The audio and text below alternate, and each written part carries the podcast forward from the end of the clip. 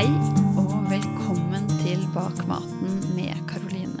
En podkast der jeg, Karoline Aalum Solberg, prøver å finne ut av hva bærekraft i mat og landbruk egentlig er. I dag har jeg tenkt til å gjøre noe jeg ikke har gjort før. Jeg har nemlig invitert meg selv som gjest på denne podkasten. For jeg har veldig lyst til å dele min historie og hvorfor jeg lager denne podkasten, og hva som har ført meg til der jeg er i dag, med de meningene og holdningene og perspektivene som jeg har, har med meg som en, et bakteppe når jeg lager denne podkasten. De siste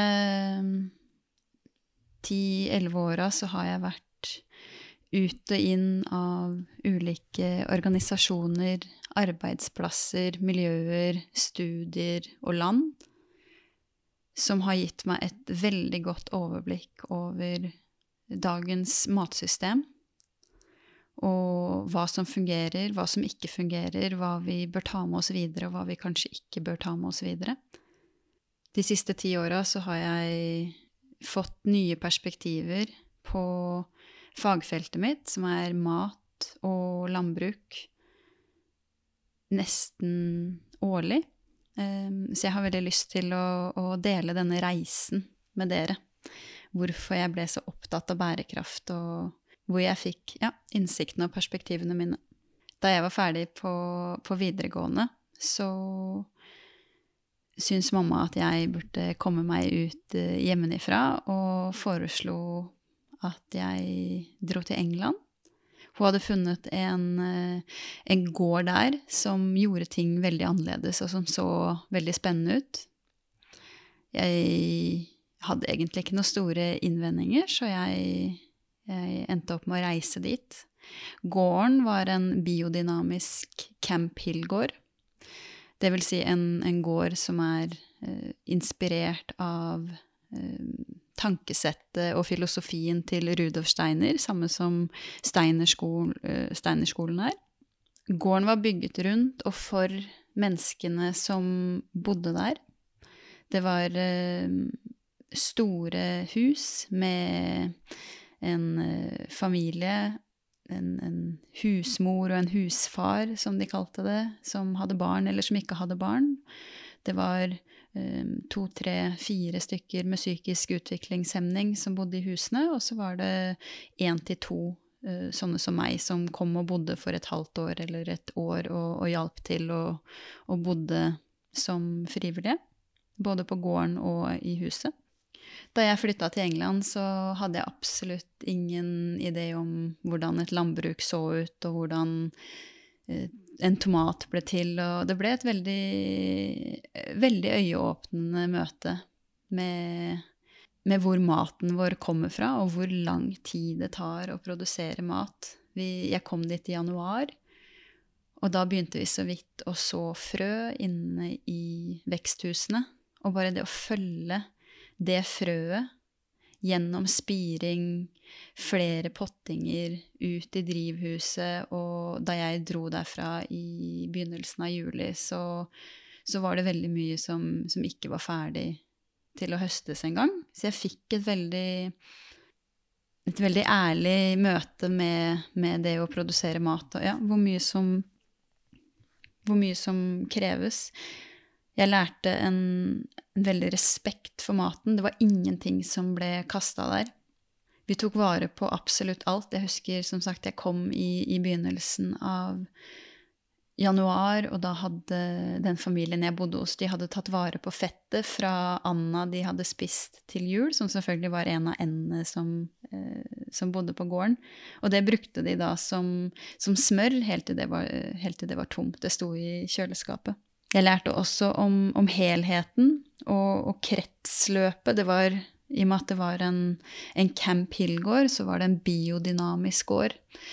En gård som, som, hadde som mål å være et mest mulig lukka system. Hvor alt blir resirkulert innad på gården. Det var både planteproduksjon, og det var eh, kuer, kyllinger og griser og alt gikk i et, i et kretsløp. Jeg føler at den, det halvåret jeg hadde på den gården, ble et slags grunnlag for alt jeg gjorde videre, og alle valgene jeg tok videre.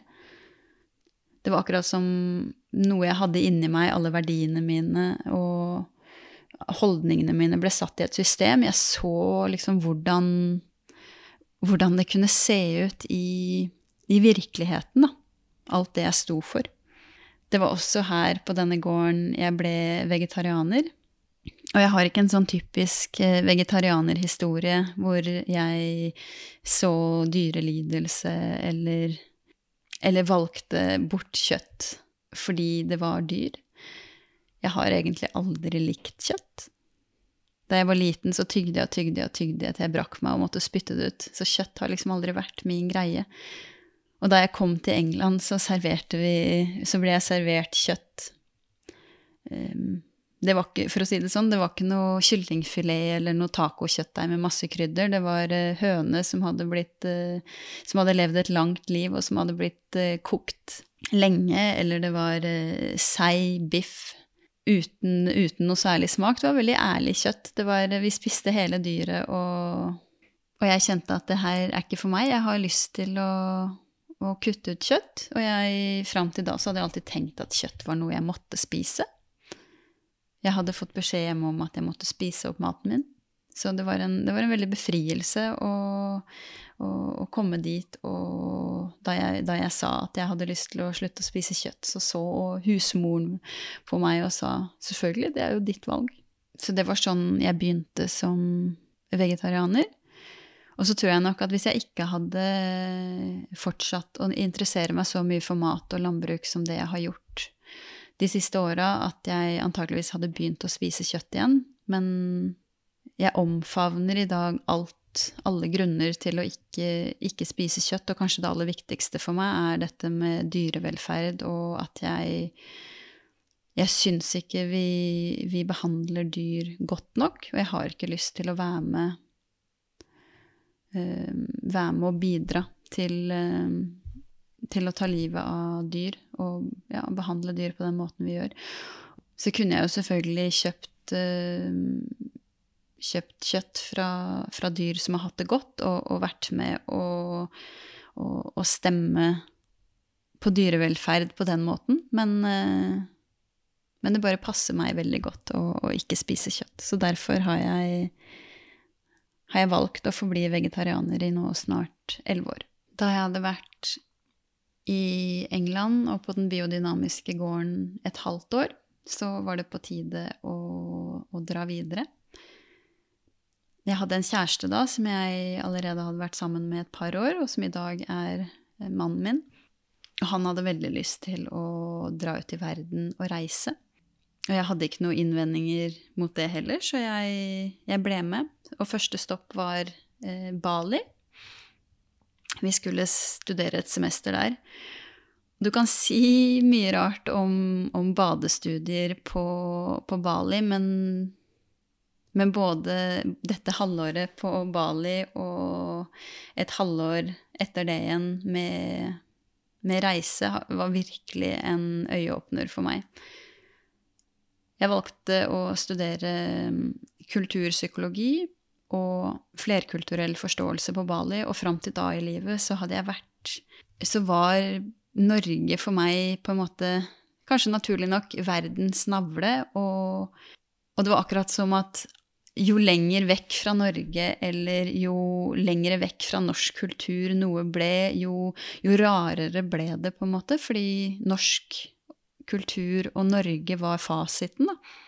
Jeg hadde ikke sett noe annet, og jeg hadde ikke blitt eksponert for noen andre holdninger og meninger. Så jeg husker det var en, en veldig øyeåpner for meg, og en, en vakker opplevelse, egentlig, å, å, få bo i en annen kultur for første gang. Eller for andre gang. Ehm, jeg hadde jo vært i England et halvt år, men det var mye likere kultur enn en Bali, på en måte. Og jeg skjønte at sånn vi gjør det i Norge, er bare én måte å gjøre det på. Og det er så mange andre fine måter å gjøre det på som passer andre typer mennesker, og alt er greit, på en måte. Jeg fikk et helt nytt perspektiv på min kultur og på andres kultur, og respekt for at andre gjør ting på en annen måte. En ydmykhet. Da jeg kom hjem, da jeg kom hjem igjen til Norge etter uh, halvannet år i utlandet og på reise, så var det bare én ting jeg hadde lyst til å studere. Jeg hadde lyst til å studere planter. Jeg var veldig opptatt av grønnsaker. Jeg elska alt med grønnsaker, både å spise dem og dyrke dem og se på dem og ta på dem og være omgitt av, eh, av grønnsaker. Så da valgte jeg plantevitenskap på Universitetet i Ås. Det, det, ble mitt første møte med hardcore naturvitenskap, hvor jeg lærte hvordan en plante fungerer, hvordan jorda fungerer, hva et økosystem er, hvor avhengig alt er av hverandre, hva som skal til på jordet for å dyrke mat, for å dyrke grønnsaker, korn, gress. Utdannelsen handla egentlig om alt som foregår på, på jordet. Mens veldig mange av de andre i klassen min var bestemte på å, gå videre som eh, landbruksrådgivere og å bruke denne plantevitenskaputdannelsen videre, så visste jeg hele tiden at det var ikke det jeg skulle gjøre. Og jeg bestemte meg egentlig første semester at jeg ville ta en master i agroøkologi. For da hadde vi hatt en gjesteforeleser som, som fortalte hva, hva, det var. Jeg bare visste at jeg måtte måtte gjennom tre år med vitenskap, og, eller med naturvitenskap, og denne stikkefingeren i jorda-utdannelsen, for å gi meg den tyngden. Agroøkologi kan forklares på mange måter. Det blir ofte forklart som en vitenskap, eller det kan være en folkebevegelse, eller en praksis på jordet. Men i det store og det hele så handler agroøkologi om å se landbruk i en større sammenheng og se det i et større økosystem. Og da snakker jeg om økosystemet som gården er i.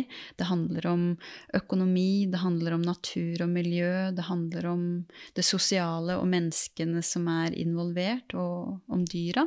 Så på mange måter så, eh, så er eh, i hvert fall for meg, agroøkologi, studiet av eh, bærekraftig landbruk satt i system. En av de viktigste tingene jeg lærte på agroøkologistudiet, det var å, å bli en agroøkolog. Det var de veldig opptatt av der. Og allerede dag én så ble vi kasta ut av komfortsonene våre. Da møttes vi i, i klasserommet vi var eh, eh ca. 25 studenter fra eh, ti forskjellige land. Eh, ingen kjente hverandre. Vi ble, fikk beskjed om å reise oss opp. Gå bort til noen vi aldri hadde sett før og aldri hadde snakka med før, og så skulle vi begynne å føre en samtale basert på spørsmål vi fikk fra foreleserne. Og sånn fortsatte det egentlig det første halvåret. Vi, vi ble kasta fra det ene til det andre og lærte oss selv å kjenne. Hvilke holdninger eh, hadde vi? Hva, hva sto vi for? Og en av de mest spennende tingene var at foreleserne mente at vi trengte egentlig ikke så mye input utenifra. Fordi all kunnskapen vi antageligvis trengte var i det rommet blant alle studentene. De hadde valgt ut studenter med masse forskjellige bakgrunner for at det skulle bli et mangfold, og fordi vi, kunne, fordi vi skulle lære av hverandre. Jeg husker en av de tingene som gjorde veldig inntrykk på meg det første halvåret med agroøkologi. Det var at uh, professorene ville at vi skulle uh, lære forskjell på debatt diskusjon og dialog. Um, ulike måter å, å ha en å, å, samtale på, egentlig. Det var noe jeg ikke hadde tenkt på, på tidligere, men som er så utrolig viktig um, i møte med, med andre. Hvor uh, debatt er uh, du vil bare fram med, med, ditt synspunkt og nesten en litt sånn aggressiv form uh, å, å, prate med andre på.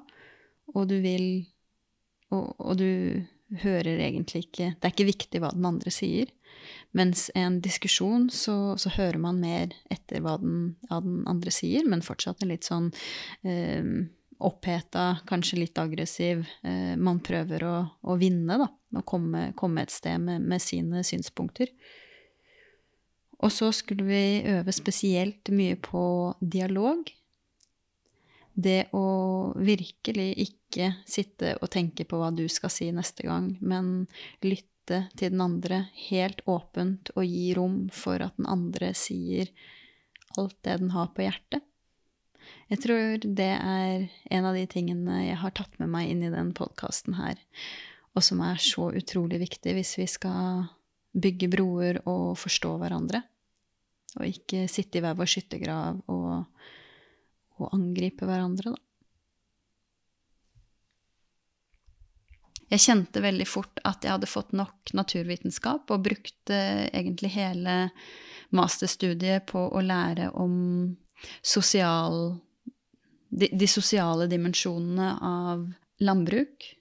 Jeg tok det var veldig mange frie emner, og jeg, jeg valgte nesten alle fra, fra, Og jeg valgte nesten alle emnene mine fra Noragrik og utviklingsstudier, og jeg var veldig mye ute og reiste. Eh, jeg tok blant annet feltarbeidet mitt i Nicaragua. Masteroppgaven min handla om kvinnelig empowerment. Jeg sier empowerment fordi jeg har ikke Det fins liksom ikke noe godt norsk ord for det, men det handler om å om å finne en, en styrke og uavhengighet til å, til å stå på egne ben og gjøre det man selv ønsker. Og bestemme over eget liv. Men jeg så i hvert fall på kvinnelig empowerment gjennom landbrukskooperativer på landsbygda i Nicaragua.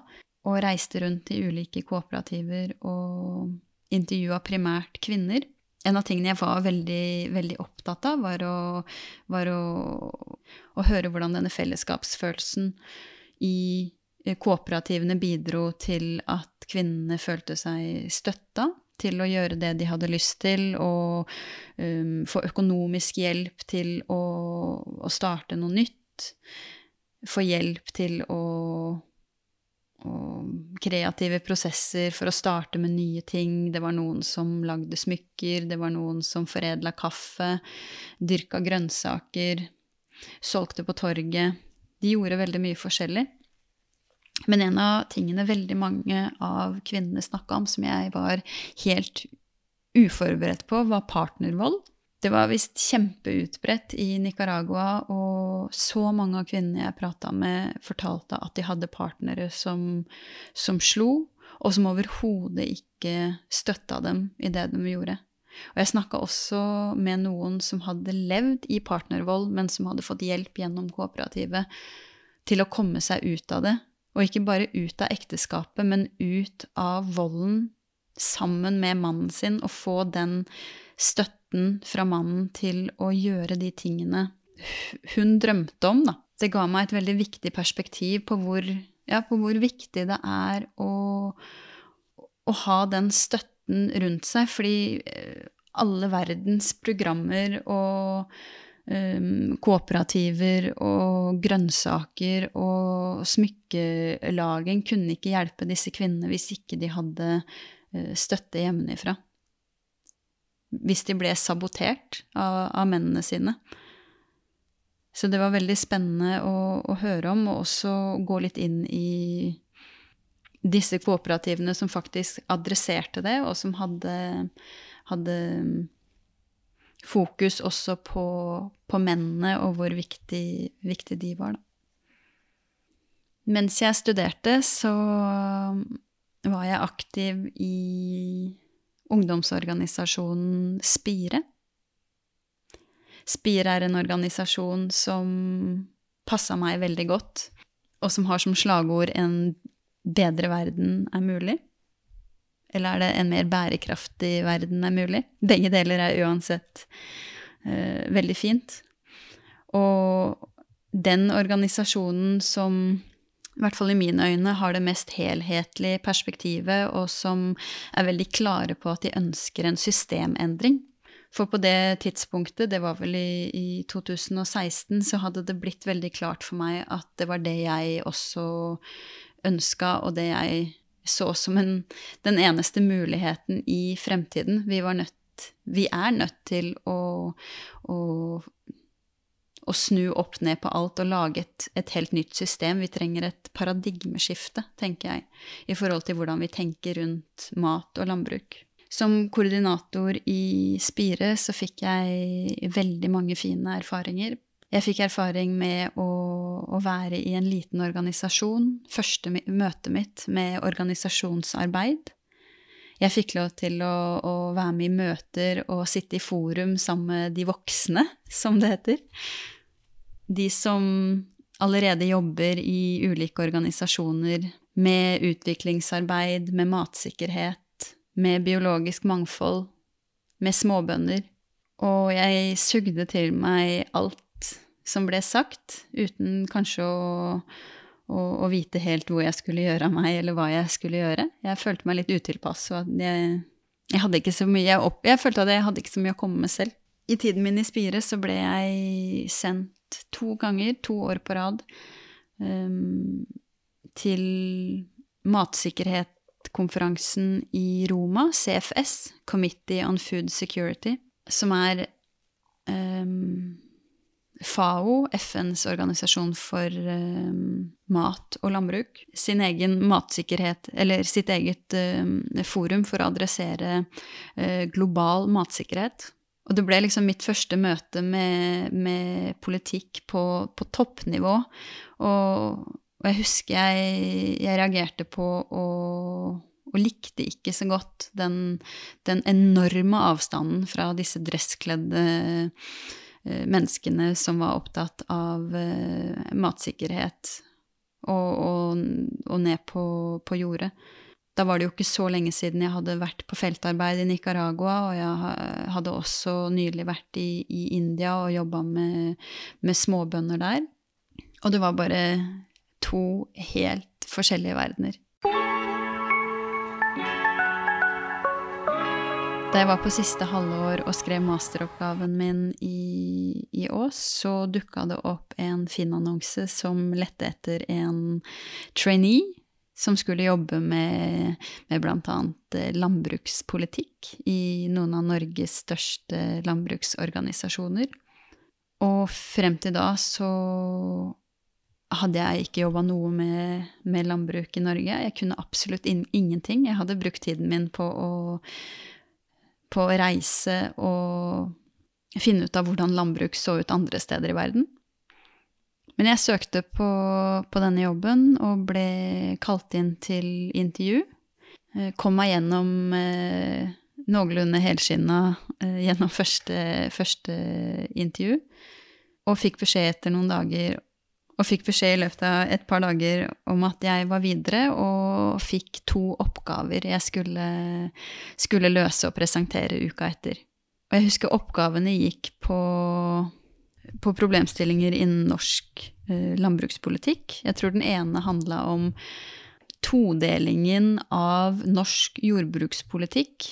Og den andre husker jeg ikke engang hva var, men det var bare så Det var Oppgaveteksten var så fjern for meg, og det var bare begreper jeg aldri hadde hørt om. Men jeg, det var noe inni meg som bare var så fast bestemt på å løse denne oppgaven skikkelig bra, og at jeg skulle ha denne jobben. Så jeg, jeg husker jeg satt hver eneste dag, hele dagen i en uke, og leste meg opp på Norges Bondelag sine sider og andre interesseorganisasjoner for norsk landbruk for å virkelig forstå hvordan de tenkte, og svarte det de ville ha som svar, egentlig. Og mot, i hvert fall sånn jeg føler, føler det, mot alle odds, så, så øh, løste jeg oppgaven kjempegodt og, og fikk jobben. Så etter studiene så så etter fem år på Ås så var det rett ned til Landbrukets hus i, i Oslo, hvor jeg begynte i agrianalyse og fikk en kjempespennende oppgave. Jeg skulle sammen med Torbjørn Tufte, som jobber i agrianalyse, skrive en eh, rapport om sveitsisk jordbrukspolitikk. Og jeg fikk lov til å dels gjennom Spire og dels gjennom eh, denne rapportskrivinga lov til å reise til Sveits og Østerrike to ganger og bli kjent med å se hvordan de, de løser eh, jordbrukspolitikken og, og, jordbruket der nede. Og det var kjempespennende å bli, å bli kjent med det. Og, og spesielt i, i Sveits, hvor de har en, en, veldig todeling av jordbrukspolitikken, hvor de i fjellene og de, de bratte fjellsidene um, gir tilskudd egentlig for å holde jorda i, i drift, og ikke så mye fokus på å gi støtte og in insentiver for um, volum, da, sånn som vi, vi, gjør her i Norge. Det var også veldig fint å se hvordan den politiske viljen og forankringen i folket um, for å støtte uh, lokalmat og turisme i, utafor de store byene det var en selvfølge i mange av de stedene vi besøkte i Sveits og Østerrike, å, å bruke lokale håndverkere hvis man skulle bygge noe nytt. Handle lokalt selv om det var dyrere, og det var massevis av små butikker, nisjebutikker, hvor også de lokale handla. Et av stedene vi var innom som var uh, veldig spennende, var en veldig godt drevet uh, gårdsbutikk, hvor uh, hvor det var en, eh, en, mann som drev med geiter. Og han brukte all mysa, altså det produktet som blir igjen når man har lagd ost, som hovedingrediens i masse velværeprodukter. Sjampoer, såper, kremer. Så han hadde, han hadde bygd en hel business rundt dette biproduktet, da. Og det Masse sånne eksempler. Og det var veldig gøy å reise rundt og, og, og se masse sånne eksempler. Hvis dere er interessert i å, å lese denne rapporten, så um, er det bare å google um, rapport Sveits Agri-analyse, så finner dere den. Som sagt så skrev jeg den sammen med Torbjørn Tufte, og jeg het uh, Berntsen på det tidspunktet. Caroline Berntsen. Trainee-perioden var lagt opp sånn at jeg skulle være et halvt år i fire forskjellige organisasjoner over to år. Og da jeg var ferdig hos Agri Analyse, så var det Bondelaget som sto for tur. Jeg var der på vårparten, så jeg fikk lov til å, å ikke bare se hvordan en så stor organisasjon fungerer fra innsiden, men jeg fikk også lov til å være med på hele prosessen eh, med landbruksoppgjøret. Fra de første innspillene tidlig på våren, gjennom interne forhandlinger og forhandlingene med Småbrukarlaget, og, og helt til Helt til eh, Bondelaget og Småbrukarlaget var eh, enige om et eh, dokument, og, og forhandlingene med, med staten veldig, veldig spennende. Um, selv om jeg ikke skjønte mye av hva som foregikk uh, egentlig. Og uh, jeg opplevde at alt som ble sagt, ble sagt over hodet på meg. Så, så fikk jeg med meg essensen. Jeg fikk med meg på en måte skuespillet i det og politikken i det. De store linjene hvordan politikk fungerer, hvordan forhandlinger på så høyt nivå fungerer, hva man må ofre, og ja, hvordan man forhandler, og hvordan man står på sitt. Jeg lærte utrolig mye i tiden det halvåret jeg var hos Bondelaget, men det var også veldig vanskelig for meg, fordi um, selv om Bondelaget står for utrolig mye bra, så så er ikke den organisasjonen i tråd med den jeg er, og det jeg ønsker å formidle, og mine verdier. Jeg ønsker en, en mye større helhet, eller fokus på helheten, mer en mer holistisk tilnærming til eh, spørsmål om bærekraft. der Bondelaget er opptatt av å sikre bonden, selvfølgelig, det er jo bondens organisasjon, så mener jeg at det er minst like viktig å ta hensyn til miljøet, til klima og til uh, dyra og dyrevelferd. Det er kanskje den, den aller største forskjellen, eller den aller største konflikten jeg kjente inni meg i møte med, med Bondelaget og næringa i, i, helhet, egentlig. At uh, de har et helt annet syn på, på, dyr, produksjonsdyr, enn det jeg har. Hvor de ser egentlig på produksjonsdyr som storskala industri, som kjøtt, som et produkt, som noe man må ha og kan spise i mengder uten skam, og tenker at eh, dyrevelferden i Norge er den aller beste. Også for kylling og svin som ikke ser dagslys, og som lever tett i tett i tett i tett. Selv om jeg ikke sa så mye høyt fordi jeg ikke helt visste hva jeg skulle si, og hvordan jeg skulle formulere meg i møte med de som har jobba med det her i, i tiår og, og virkelig kan tingene sine, så kjente jeg helt inn til beina at det her blir for meg helt feil.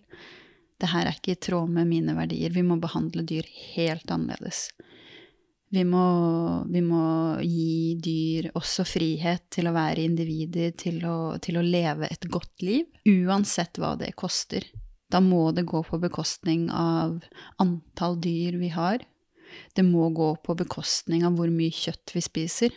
Jeg mener at vi må spise kjøtt på en helt annen måte enn det vi, enn det vi gjør i dag. Vi må spise mye mindre kjøtt. Vi må spise hele dyret når vi først tar livet av det. Det er meg bare helt fjernt at vi tar livet av så mye dyr som det vi gjør, for å bare spise de beste uh, muskelstykkene, og så uh, kaste resten, eller uh, kjører det til sement, eller sender det til Kina for å lage proteinpulver. Jeg vet ikke helt hva vi, hva vi gjør med det, men vi, vi spiser ikke hele dyret, som vi kunne ha gjort. Da mener jeg også mindre, mindre liksom populære eh, kjøttstykker, men også innmat, eh, tunge, knokler. Altså, for meg så er det en selvfølge. Og også det å, å forholde seg til at hvis man velger å spise kjøtt, og forholde seg til at det faktisk er et dyr som har levd og at et dyr har måttet dø for at du skal spise den maten du gjør. Og det, det sier jeg ikke på en sånn, på en sånn 'jeg er vegetarianer', og, og, og, og dette må du uh, skamme deg over og forholde deg til. Overhodet ikke. Jeg, jeg, tror det er rom for å spise kjøtt, og i hvert fall i et land som Norge. Men som sagt, må, jeg tror vi må gjøre det på en helt annen måte. Og også kutte ned på Spesielt på kylling og svin, som som i mine øyne har den aller dårligste dyrevelferden. Og som vi, vi, spiser mer og mer av. Og ikke minst spiser vi mye av det fordi det blir trukket fram som, som mer klimavennlig. ikke sant? Og, og, for meg så blir det helt rart. Fordi, fordi det ikke er bærekraftig i, den, i helheten, da. I det hele tatt. I Norge så burde vi spise mye mer drøvtyggere. Dyr som har vært ute på beite, brukt utmarka, altså kuer, geiter, sauer. Så de månedene jeg var hos Bondelaget, var veldig vanskelig for meg. Og jeg kjente at, uh, at kroppen min også begynte å, å si ifra. Både fordi jeg satt altfor mye på PC, og fordi jeg holdt veldig mye inne. Jeg turte ikke si høyt det jeg mente. Så det I løpet av det første året mitt som trainee så hadde jeg fått betennelser i begge armene og begge skuldrene og ble sykemeldt. Så det tredje halvåret mitt det ble ikke sånn som planlagt. Men istedenfor å være fulltidssykemeldt, så tok jeg kontakt med Bondens Marked og fikk de til å overta traineeordningen det neste halvåret. Så jeg fikk lov til å jobbe for Bondens Marked og være på å gjøre fysiske ting og være på markedene som uh, ansvarlig der. Og det var veldig, veldig fint. Jeg hadde virkelig savna å, å, prate med, med, bønder, se produkter, være ute, se kundene. Se samspillet mellom kundene og, og bøndene. Å være i det miljøet, det, det ga meg veldig mye. Da det var klart for siste halvåret, så skulle jeg være hos Norsk Landbrukssamvirke, men jeg var fortsatt ikke helt eh, god i armene. Og jeg kunne overhodet ikke sitte og jobbe 100% foran PC-en, fordi jeg hadde fortsatt veldig vondt. Så jeg satte meg ned sammen med daværende administrerende direktør i Norsk Landbrukssamvirke, Ola Hedstein, og vi prøvde å finne ut av hva jeg kunne gjøre. Og han ga meg egentlig veldig fritt spillerom. Og etter å ha tenkt meg om, så, så landa jeg på at hvorfor kan jeg ikke lage en podkast? Og en podkast som, som jeg kan ta med mer av meg inn i. Og utfordre litt en del av disse sannhetene jeg opplever å ha møtt i næringa, da, som det siste halvannet året. Og jeg fikk lov til det.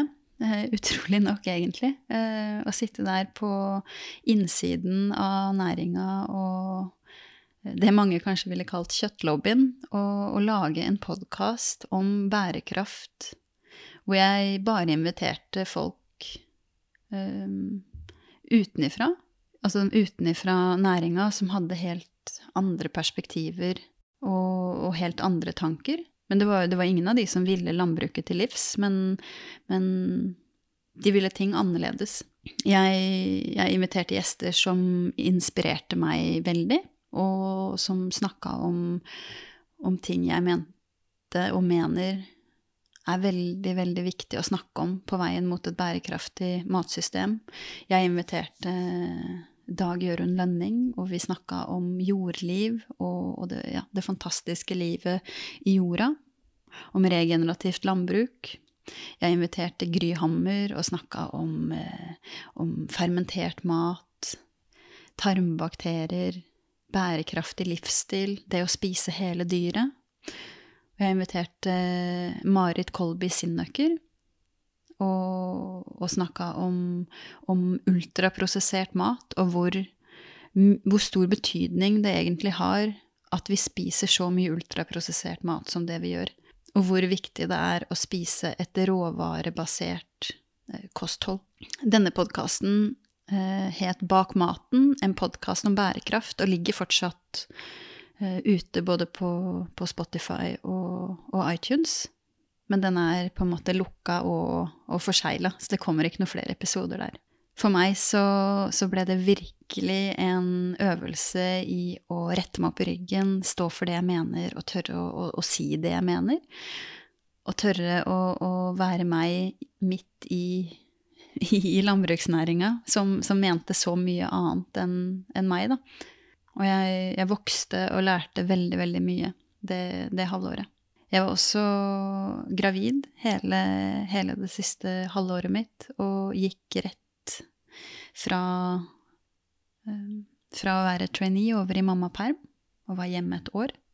Og da jeg, da jeg begynte å, å, jobbe igjen, så ville Bondens Marked at jeg skulle komme tilbake igjen og gjøre litt sånn eh, småjobbing for de høsten 2020. Og de hadde også fått penger til å lage noen podkaster, og vi ble enige om at jeg like godt kunne begynne, eller starte opp podkasten min på nytt.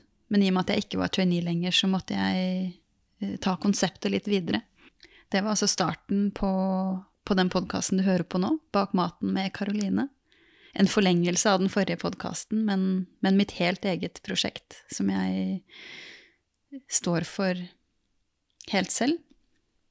De første månedene så lagde jeg en del episoder for eh, egen maskin. Og fikk også mine første samarbeidspartnere som betalte for episodene. Så jeg, jeg begynte etter hvert å se eh, konturene av at kanskje dette er noe jeg kan leve av. Og 1. januar 2021 så tok jeg steget fullt ut og bestemte meg for at vet du hva, det her skal jeg prøve å leve av. Det her er så viktig. Og disse tingene som jeg har lyst til å formidle, har jeg lyst til å gå all in for. for. Så da gjorde jeg det og ble 100% selvstendig næringsdrivende. Og jobber akkurat nå med å bygge opp denne, denne podkasten Og finne samarbeidspartnere. Jeg har funnet noen, blant annet eh, Norges Vel skal jeg lage mange episoder med det året her. Men konseptet mitt er å, å gjøre ting på min måte. Og, og i tråd med mine verdier. Men å finne noen som har lyst til å, å finansiere at jeg er den jeg er, og snakker om det jeg snakker om. Og så blir vi, blir vi gjerne enige om et, et, tema som jeg kan eh, løfte fram og belyse på, på min måte. Og her er jeg i dag, midt mellom sesong én og sesong to av Bak maten med Karoline. Dette var min historie og, og veien min hit. Som dere skjønner, så så har jeg fått utrolig mange forskjellige perspektiver på mat og landbruk. Jeg har vært innom små organisasjoner, store organisasjoner, naturvitenskap, samfunnsvitenskap, landbruket i Norge. Både de som står på, på markedet og selger, og helt opp i, i, toppen i det næringspolitiske. Jeg har vært på matsikkerhetskonferanse gjennom FNs eh, mat- og landbruksorganisasjon, og snakka med de aller fattigste bøndene på landsbygda i Nicaragua og, og India. Og jobba på gård, som jeg fortalte helt eh, innledningsvis.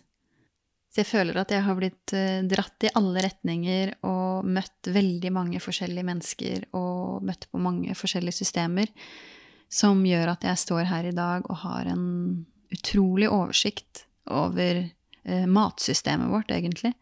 Og noen veldig klare meninger om hvordan, hvordan det kan se ut i fremtiden, og ikke minst eh, hvordan det ikke bør se ut.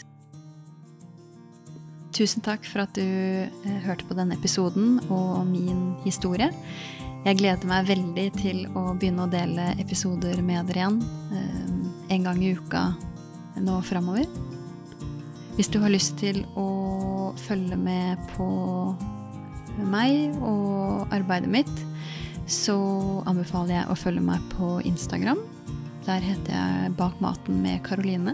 Finn meg også på Facebook eller på bakmaten.no. Har du lyst til å sende meg en mail, så ta kontakt på karoline at bakmaten.no. Vi høres igjen neste uke. Ha det!